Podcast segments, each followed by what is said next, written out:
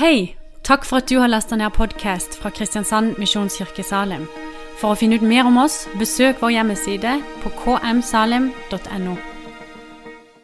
God formiddag, alle sammen, og god påske må jeg også få lov å si. Nå har vi allerede hilst hverandre med denne eh, påskehilsenen. Ellers så pleier jeg å si det at eh, en gang i året roper vi i Salem, og det er på første påskedag. Da roper vi av lungers fulle kraft. Han er oppstanden. Og det har vi allerede gjort. Vi kunne ha ropt høyere, men sånn er det. Eh, det er, eh, det er, eh, i alle fall et stort privilegium å ha Nadia og de andre fra Ukraina med oss her i dag. Nadia har jo jeg hørt om mange ganger. og Nå er hun altså her pga. krigen. og Hun hvisker i øret til meg at i løpet av de første 50 dagene av krigen i Ukraina så har Open Heart er fraktet inn 720 tonn med mat og medisiner og nødhjelp til eh, en rekke byer i Ukraina. Og det er eh, over eller, eller ca. 40 sånne svære trailere fullastet. Det er mye. Og eh, det er den største private hjelpeorganisasjon og aktør i Ukraina. Og Presidenten har sagt når denne krigen er over, så skal Open Heart få en medalje av ham. Det syns jeg høres fint ut, og det må være riktig. Men nå skal det handle om påskeevangeliet. og eh, Før vi leser teksten, så har jeg lyst til å si at eh, vi har jo evangeliet etter Matteus, vi har evangeliet etter Markus og Lukas og Johannes. Og hør, vi i familien Johannes vi har også evangeliet etter Lydia som sitter her på første benk og smiler så fint til meg. Og Jeg har spurt om jeg kunne få lov å vise, fordi at eh, hun var hjemme hos oss noen dager i påsken her, i påskeuka. Se, hvordan blir dette her da? Det blir sånn. Og så laget hun altså evangeliet etter Lydia. Og nå skal dere få se det her. Her har vi påskefortellingen. Og neste bilde Her står det Hva står det der? Det står Jesus red inn i Jerusalem på et esel. Neste bilde. Jesus vasket føttene på disiplene. Jesus hadde nattverd for disiplene. Neste bilde. Jesus ba til Gud i Getsemane. Neste. Jesus ble hengt på et kors og døde. Neste. Jesus ble lagt i en grav. Neste. Maria Magda, Maria Magdalena kom til graven, men Jesus lå ikke i graven. Det kom en engel som sa at Jesus hadde stått opp fra de døde. Neste bilde. Maria Magdalena og Maria ble glade for å se Jesus. Next one. Disiplene ble glade for å se Jesus. Neste. Så kom Jesus opp til himmelen. Hva syns du? Er ikke det fint? Ja. Ja, Hva skal det bli av den jenta? Det er det jo ingen som vet, men noe fint blir det. Eh, det var evangeliet etter Lydia. Nå skal vi lese fra Johannes evangelium, og det er kapittel 20. Og vi skal lese fra vers 24. Overskriften er 'Jesus lever'. Thomas Nei, unnskyld, fra vers 19. Eh, det var om kvelden samme dag, den første dagen i uken. Av frykt for jødene hadde disiplene stengt dørene der de var samlet. Da kom Jesus. Han sto midt iblant dem og sa, 'Fred være med dere.' Og da han hadde sagt det, viste han dem sine hender og sin side. Disiplene ble glade da de så Herren. Igjen sa Jesus til dem, 'Fred være med dere. Som Far har sendt meg, sender jeg dere.' Så åndet han på dem og sa, 'Ta imot Den hellige ånd.' Dersom dere tilgir noen syndene deres, da er de tilgitt. Dersom dere fastholder syndene for noen, da er de fastholdt. Amen. Herre, vi takker deg for det vi har fått være med på så langt i dette møtet. Vi priser deg for at vi denne søndagen kan få feire det faktum at graven var tom. Du var stått opp, og du lever, og du har satt deg ved fars høyre hånd, og så er du også hos oss i dag. Vi priser deg for det. Møt et folk, Herre. Du ser vi trenger det. Møt et folk i Norge. Møt et folk i Ukraina. Møt et folk hvor det er på denne dagen, så vi blir frimodige vitner om deg. Amen. Ja, Det er, som dere kjenner til, laget mange filmer om Jesus. Men det er bare én film som kalles Jesusfilmen. Med stor J og F, antagelig. Den ble laget i 1979, og den er sett av fem eller så seks milliarder mennesker. 182 millioner mennesker er blitt kristne ved å se Jesusfilmen. En langfredag så ble denne filmen vist i Dampara Baptist Church i Chittagong i Bangladesh. Kirken er tettpakket. Da Jesu korsfestelse ble vist, gjør den et enormt inntrykk på hele forsamlingen. Folk lever med i handlingen, og det kan høres gråt over hele kirka. Da er det at en ung gutt reiser seg og roper ut ikke fortvil. Han kommer til å stå opp igjen. Jeg har sett filmen før. ja, noen har hørt den fantastiske historien. Ikke fortvil! Han kommer til å stå opp igjen. Jeg har sett filmen før. Uansett, det er Det nye testamentets jubelrop. Jesus er stått opp fra de døde. Han er ikke stått opp for å dø igjen. Det gjorde jo de menneskene som Jesus mens han gikk her på jorda, kalte tilbake til livet. Det var jo tre mennesker. Det var enken av Nains sønn, det var Lasarus, og så var det synagogeforstanderen Jairus sin datter. De ble kalt tilbake til livet og levde sikkert mange og gode år, men så døde de. Men Jesus ble ikke gjenopplivet. Han sto opp for aldri mer å dø. Han løftet av de tunge sperrebjelkene fra døra ut av dødsriket og vred om den rustne låsen og steg ut av dødens makt og vold inn i en ny form for eksistens. Det er det bare han som har gjort. Han er stått opp fra de døde for aldri mer å dø. Han er dødens overvinner. Og Disiplene skjønte da de møtte Jesus nå er ingenting som før. Alt er forandret nå når han har stått opp fra de døde. Og Vi leste teksten, og dette møtet med den oppstandende Jesus det trengte disiplene. Det er mitt første punkt. Og det andre punktet i dag dette trenger verden. Så når du kommer hjem, og noen som er hjemme spør hva talte han pastor Geir om i dag, han talte om Jesus sin oppstandelse, og han sa det trengte disiplene, og det trenger verden. Det trengte disiplene. De hadde satsa alt på at eh, Jesus var Guds Messias. Og Da han døde langfredag, så var det som grunnen forsvant under føttene deres. Guds rike, drømmene deres forliste i deres livs verste stormnatt. Nå hadde de spilt fallitt, og hvordan skulle de klare å stable eh, livet liksom på beina igjen etter dette? Vi leste det var om kvelden samme dag, den første dagen i uken. Av frykt for jødene hadde disiplene stengt dørene der de var samlet. Så de holdt fortsatt sammen, de fleste av dem. Det leste vi. Men de hadde stengt dørene til omverdenen. Og Oppdraget de hadde fått veldig tidlig Det var jo noe av det første de fikk høre. Hva var det de fikk høre? 'Følg meg, så skal jeg gjøre dere til menneskefiskere'. Det oppdraget det hadde definitivt mistet sin aktualitet. Og Når jeg leste dette, så må jeg si at det, det er noen fellestrekk her med den situasjonen som disiplene befant seg i, og vår egen situasjon. Vi skal ikke greie alle over én kam, men i det store og hele så syns jeg at det, det avtegner seg et bilde av en menighet bak stengte dører. Der mange ikke er så involvert i aktiv evangelisering. Hmm. Hvorfor er det det? For jødene for Jesu første disipler så var det sånn at det hadde funnet sted et stemningsskifte i Jerusalem. Velviljen var erstattet med stor skepsis. Noe av det samme har vi også sett skje i landet vårt. Dere. Det vet vi om. Vi har snakket mye om det i det siste.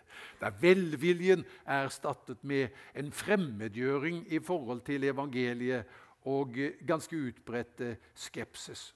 Og Hvordan skal vi håndtere det da, som Guds folk? Hvordan skal vi møte denne nye situasjonen? Billy Graham sa en gang en motløs og fryktsom kristen kan Gud ikke bruke. Hm. Jeg tror det er riktig. Derfor er det sånn at det disiplene trengte der de var bak stengte dører, det trenger vi òg. Vi gjør det. Vi gjør det. Jeg har fortalt det før. En av mine helter i kirkehistorien han het John Wesley. Husker vi ham? Han stiftet jo Han stiftet ikke, men han, eh, liksom i kjølvannet av hans eh, evangelist- og pastorgjerning så oppstår jo metodist vekkelsen og metodistkirken. Og Det var jo en svær vekkelse som gikk over eh, England, som sparte England fra en blodig revolusjon lignende den franske. Det har jeg snakket om før. Så har jeg noe her fra hans dagbok. Nå skal du høre. Han forteller følgende. Dette er på 1700-tallet. Søndag 5. mai på formiddagen. Dette er noen glimt fra dagboka. Jeg talte i Sankt Annas kirke og ble bedt om ikke å komme tilbake igjen. Søndag 5. mai på ettermiddagen. Jeg talte i Sankt Johannes kirke. Menighetsrådet sa, 'Kom deg ut og hold deg borte'. Søndag 12. mai på formiddagen. Jeg talte i Sankt Judas kirke. Fikk ikke komme tilbake mer der heller. Søndag 12. mai på ettermiddagen. Jeg talte i Sankt Georgs kirke. Ble sparket ut igjen. Søndag 19. mai på formiddagen. Jeg talte i en annen Sankt et eller annet kirke. Menighetsrådet kalte sammen til et ekstraordinært møte etterpå og fattet vedtak om at jeg ikke var velkommen tilbake søndag 19. mai på ettermiddagen. Jeg forkynte på et gatehjørne og ble kjeppjaget derfra. Søndag 26. mai på formiddagen. Jeg forkynte ute på et jorde, men vi måtte skynde oss bort da noen slapp løs en okse i friluftsmøtet vårt. Søndag 2. juni på formiddagen. Jeg forkynte i utkanten av byen, men mobben drev meg bort fra stedet. Søndag 2. juni på ettermiddagen. Jeg forkynte ute på en gresslette, og 10 000 mennesker kom for å høre meg.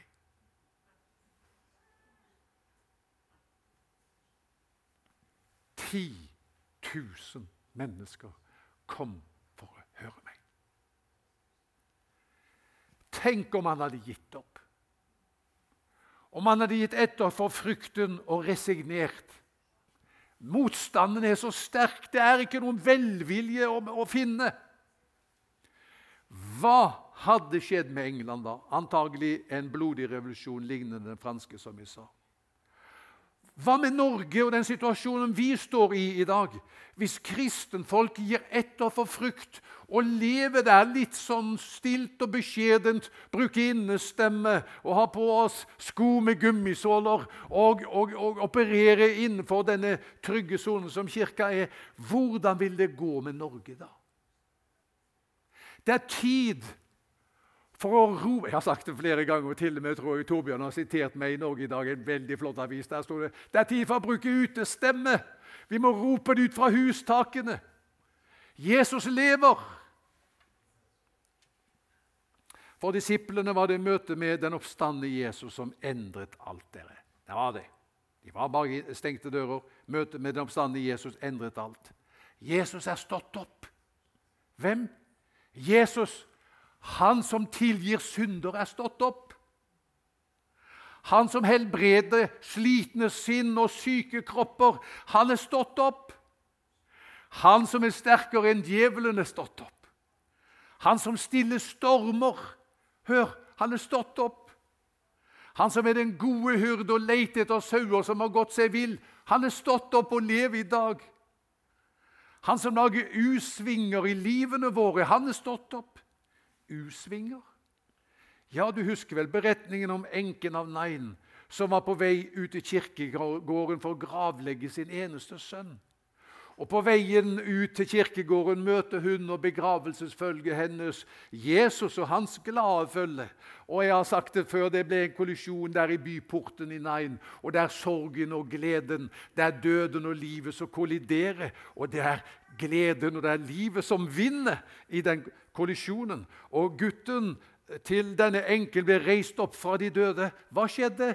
De kom aldri ut til gravplassen, men returnerte tilbake til byen igjen. Snakk om usving! Han som skaper usvinger i livene våre, han er stått opp. Dette som Lydia tegnte så fint også i den tegningen, da disiplene så Jesus, ble de glade. Vi leste det også her. Det er fra denne teksten. Disiplene ble glade da de så Herren. Det minner meg på Jakob, vet du. Eh, patriarken, da sønnene hans hadde vært i Egypt. og, også Til sin forskrekkelse møter de jo deres bror Josef.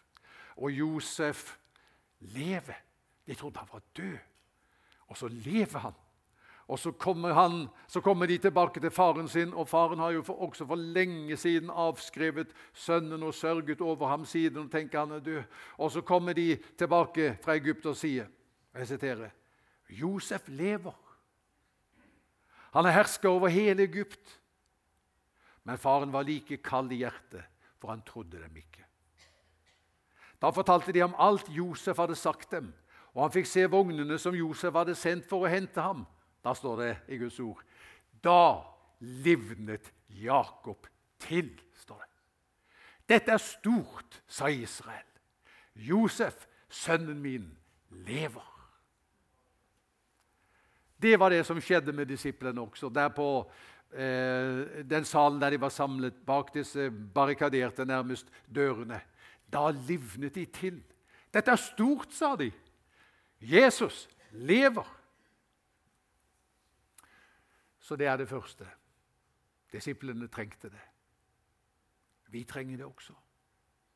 Kanskje du trengte et møte med den oppstanden i dag? Er du i en storm? Er du det? Er du i en storm? Han som stiller stormer, er her. Han lever.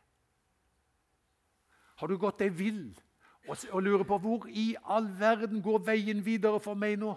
Han som er den gode hyrden, som leder mennesker som har gått seg vill. Han har stått opp. Han er her. Kjenner du deg svak? Han som sa dere skal få kraft i Den hellige ånd kom over dere. Han er her. Men dere, vi trenger det, men verden trenger det også. Og Derfor sa Jesus til disiplene, når han hadde møtt dem, så sa han Som Far har sendt meg, sender jeg dere. Så åndet han på dem og sa, 'Ta imot Den hellige ånd'.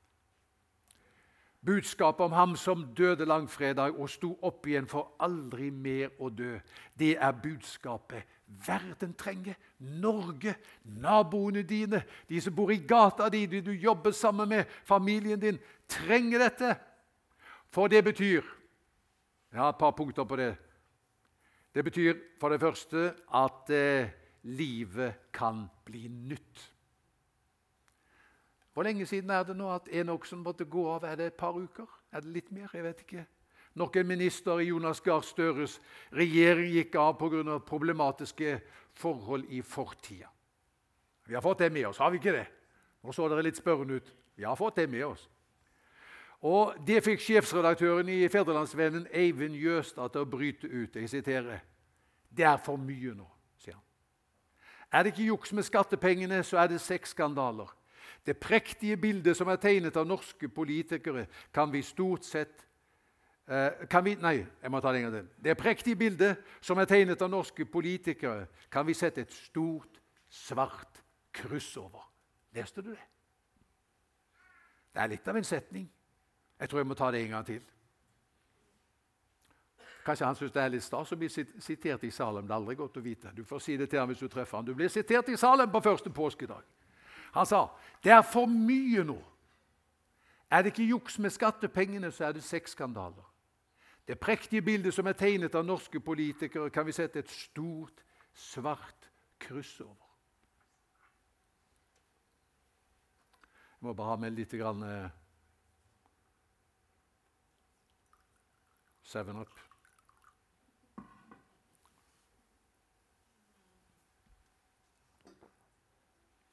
Men dere Er ikke politikerne egentlig et speilbilde av befolkningen? da? Politikerne stiger jo opp av et folk. Og Hvis det er sånn at vi ser på politikerne våre og sier at det der eh, bildet av eh, dette prektige bildet av politikerne kan vi sette et stort, svart kryss over. Hva forteller det om folket som eh, de stiger opp av? da? Det forteller hva Bibelen alltid har sagt. Vi er syndere. Og Hvis det går opp for oss at vi er syndere, så er det spørsmålet hva skal vi gjøre med det. da? Men det er et spørsmål som er viktigere. Hva har Gud gjort med det? Og det er det som er påskebudskapet. Det er hva har Gud gjort med det faktum at vi kan sette et stort, svart kryss over det prektige bildet både av politikeren og Ola og Kari Nordmann. Altså ikke mennesket, men det prektige bildet av oss. Vi forstår det. For da Jesus døde, satte han et stort, svart kryss. Ikke over oss, men over våre synder. Dermed tilbyr han alle som vil ta imot det, tilgivelse for synden og kraft til et nytt liv. Verden har mye å gi, men det er én ting bare kristendommen kan gi mennesker som har snublet, og det er nåde. Det er unikt kristent. Nåde. Mange ganger har jeg tenkt på den der episoden vet du, det, uh, som er skildra i Le Miserable. ikke sant? Victor Hugo skrev denne boka som ble musikalen Le Miserable. Om Jean Valjean, straffangen som blir forvandlet gjennom tilgivelse. Han hadde stjålet uh, et brød og fikk 19 års straffarbeid for dette. Så, da han ble løslatt, så var spørsmålet hvem vil ta imot en som har sittet 19 år i fengsel. Det var det ingen som ville. Med unntak av en biskop. En biskop ga ham husrom. Det som skjer den første natta, det er at biskopen blir frastjålet av Jean Valjean alt familiens sølvtøy. Alt sammen. Nesten iallfall alt, skal vi se. Så blir han arrestert og ført tilbake til eh, biskopen. Og biskopen sier til Jean Valjean, 'Så her er du.' Så fint å se deg. Glemte du at jeg ga deg lysestakene også? De er også av sølv, Jean Valjean, og er verdt 200 eh, franc. Hvordan kunne du glemme å få dem med deg? sier Victor, Victor Hugo. Jean Valians øyne sto vidåpne.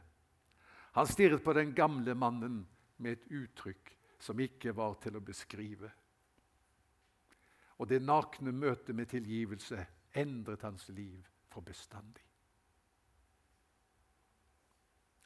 Jeg tenker folk Vi må lære oss noen evangeliepresentasjoner. Vi må kunne evangeliet.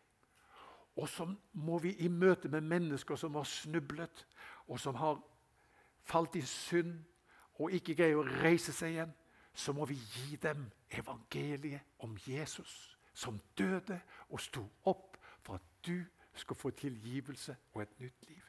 Ikke så lenge siden så hørte jeg her i salen faktisk en dame som reiser rundt og har mange slags foredrag. At da jeg var liten, kanskje sånn som Lydia og Lykke her og noen av de andre, enda mindre selvfølgelig, kanskje. Da jeg var liten, sa så lærte jeg noe som jeg aldri har glemt siden. Søndagsskolelæreren han hadde noe som het Boken uten ord. Husker dere den? Boken uten ord. Noen av dere brukte den. Vi må finne den fram igjen, eller lage oss en. Så du har noe å fortelle til mennesker som trenger nåde. Hun sa boken uten ord var så lett å forstå. Den første sida var svart. Det fortalte vi er syndere. Den neste sida er rød. For Den forteller oss at Jesus døde for syndere. Den neste sida er hvit, for den forteller oss at når du tror på Jesus som døde for syndere, så får du tilgivelse og nytt liv. Da blir hjertet ditt hvitt som snø. Og hun sa jeg har levd hele livet på det. Som jeg lærte som liten jente. At når jeg tror på ham som døde på korset, så er hjertet mitt hvitt. Og det siste bladet, det er av gull. Fordi den, om hjertet var svart, og du tror på Jesus som døde, og du får et hvitt hjerte, så får du del altså i Guds liv, og du skal få komme til himmelen. Så det er, eh, det er kjempeviktig. Hvordan skal vi nå ut i evangeliet i denne tida? Dere er svaret. En krig vinnes ikke ved at bare presidenter slåss. Vi skulle gjerne få til et møte mellom Putin og hva heter vår store helt i uh, Ukraina. Zelenskyj. Det hadde vært fint. Putin og Zelenskyj. Hvem hadde vunnet? Jeg holder en knapp på Zelenskyj. Jeg tror det. Men det er ikke sånn. En krig vinnes ikke bare ved at eh, generalene kjemper. Det er, der er fotsoldater som er med. Alle har en rolle å spille.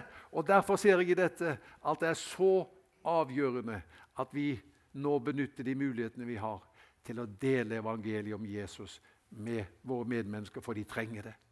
Og så er det det at eh, møtet da med Jesus det ikke bare gir oss tilgivelse, men det fører også til at livet vårt blir forandret. Jean Valjean ble i møte med denne ensidige tilgivelse forvandlet for alltid. Hør Leo Tolstøy fortelle. Okay?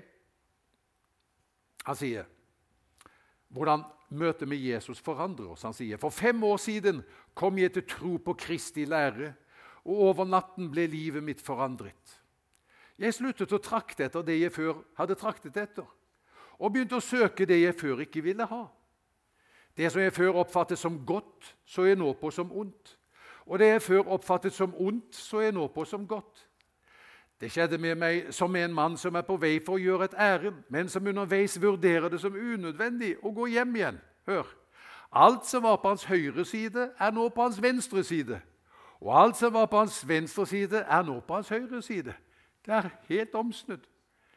Det skjedde i møte med Jesus. Så det er det ene som jeg har lyst til å si. Verden trenger budskap om han som døde og sto opp. For det gir tilgivelse og nytt liv. Bare evangeliet om Jesus kan gi det. Så vær frimodig. Det lille lyset jeg har, det skal få skinne klart. Ikke sant? Men jeg har ett punkt til i det vi går inn for landing. Og det er at det betyr at det også er håp for framtiden. At Jesus døde og sto opp, det betyr at det er håp for framtiden.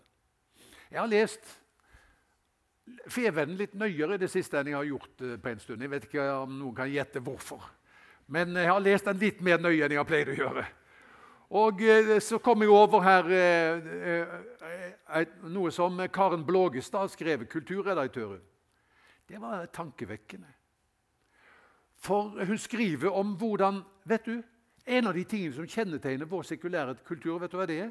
Det er nesten en religiøs framskrittstro. Dette her At livet skal stadig bli bedre og bedre og bedre.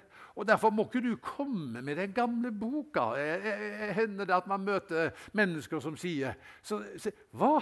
Kommer du med Bibelen? Vi lever da i 2022. Har du hørt den? Vi lever da i 2022.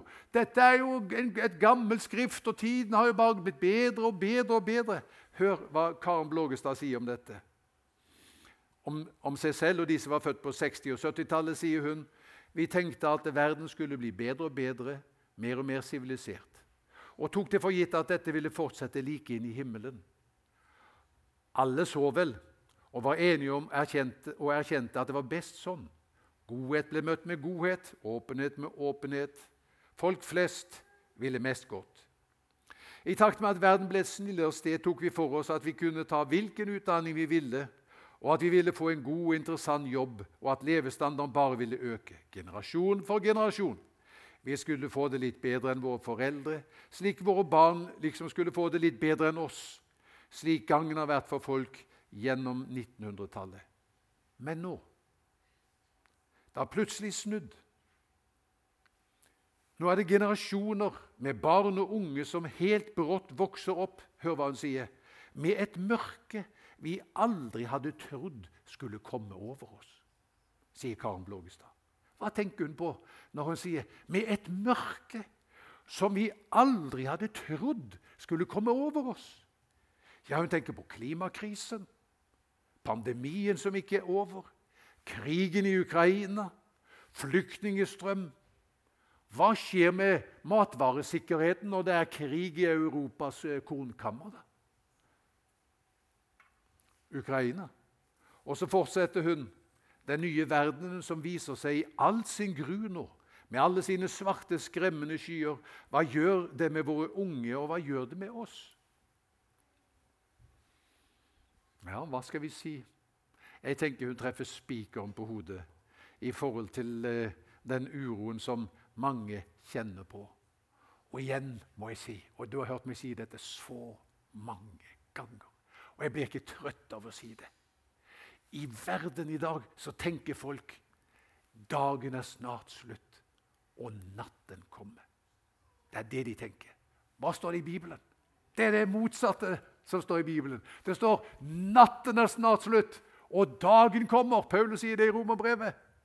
Og det er det som vi må forkynne. Vi må fortelle til verden at det beste ligger foran oss. Han som døde og sto opp, han har nøklene til framtiden. Framtiden er hans. På engelsk så heter historie 'history', og det blir jo 'his story'. Det er hans historie. Han som døde og sto opp igjen. Han skal føre verden fram mot sitt mål. Og Jesu døde oppstandelse det er jo, som jeg har også sagt noen ganger, det er det dagen, det. Det er det dagen. Husker dere det dagen? Noen av dere opplevde det. 6.6.1944, da de allierte invaderte Normandie. Den største militæroperasjon som er gjennomført noensinne. Hør! 24 000 fallskjermsoldater første dagen. 7000 skip står for troppetransport og ilandsetting av 156 000 infanterisoldater. 5400 jagerfly og 3000 bombefly gjennomførte 14 000 turer den første dagen. Og Etter seks dager har de allierte landsatt 300 000 mann og brutt gjennom tyskernes atlanterhavsvold.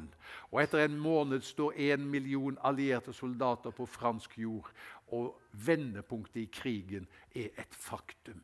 Tyskland har tapt. Når 6.6.1944 var det dagen? Var det den siste dagen at, eh, at det falt en soldat? Eller at det var skuddveksling og bomber? På ingen måte. V-dagen kom først 8. mai 1945.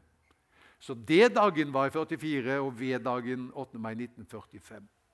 Jesu døde oppstandelse da er det at Gud setter inn sitt kraftige støt mot ondskapen. Alt han har, setter han inn mot døden, synden og djevelen. Det så ut som et nederlag der langfredag, men når Jesus står opp fra de døde, er det Jesus Victor. Det er Jesus seierherren som står opp. Og han har nøklene til framtiden. Hvordan skal det ende? Det ender med en ny himmel og en ny jord.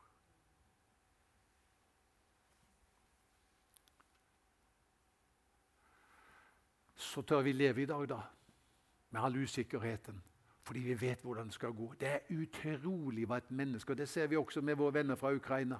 Det er utrolig hva man kan gjennomleve hvis man vet dette skal ikke vare for alltid. Han skal føre oss igjennom. Da skal vi be.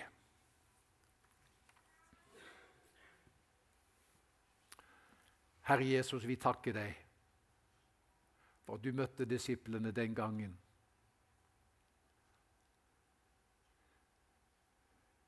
Du som selv steg ut av dødsrikets stengte dører. Du hjalp dem ut av deres stengte dører. Og så fikk de lov å bringe evangeliet ut i en verden som trengte det så sårt. Vi priser deg, Herre, for de mulighetene som vi har. Også i dag. Takk at du som er den oppstandende, du ville røre ved oss. Og som du satte dem i fyr og flamme, så vil du også sette oss i fyr og flamme, Jesus. Vi priser deg for det. Vi ber om at dette året her skal bli et år der vi får lede mennesker til deg gjennom vår virksomhet i Salem og gjennom de liv som vi lever i hverdagen.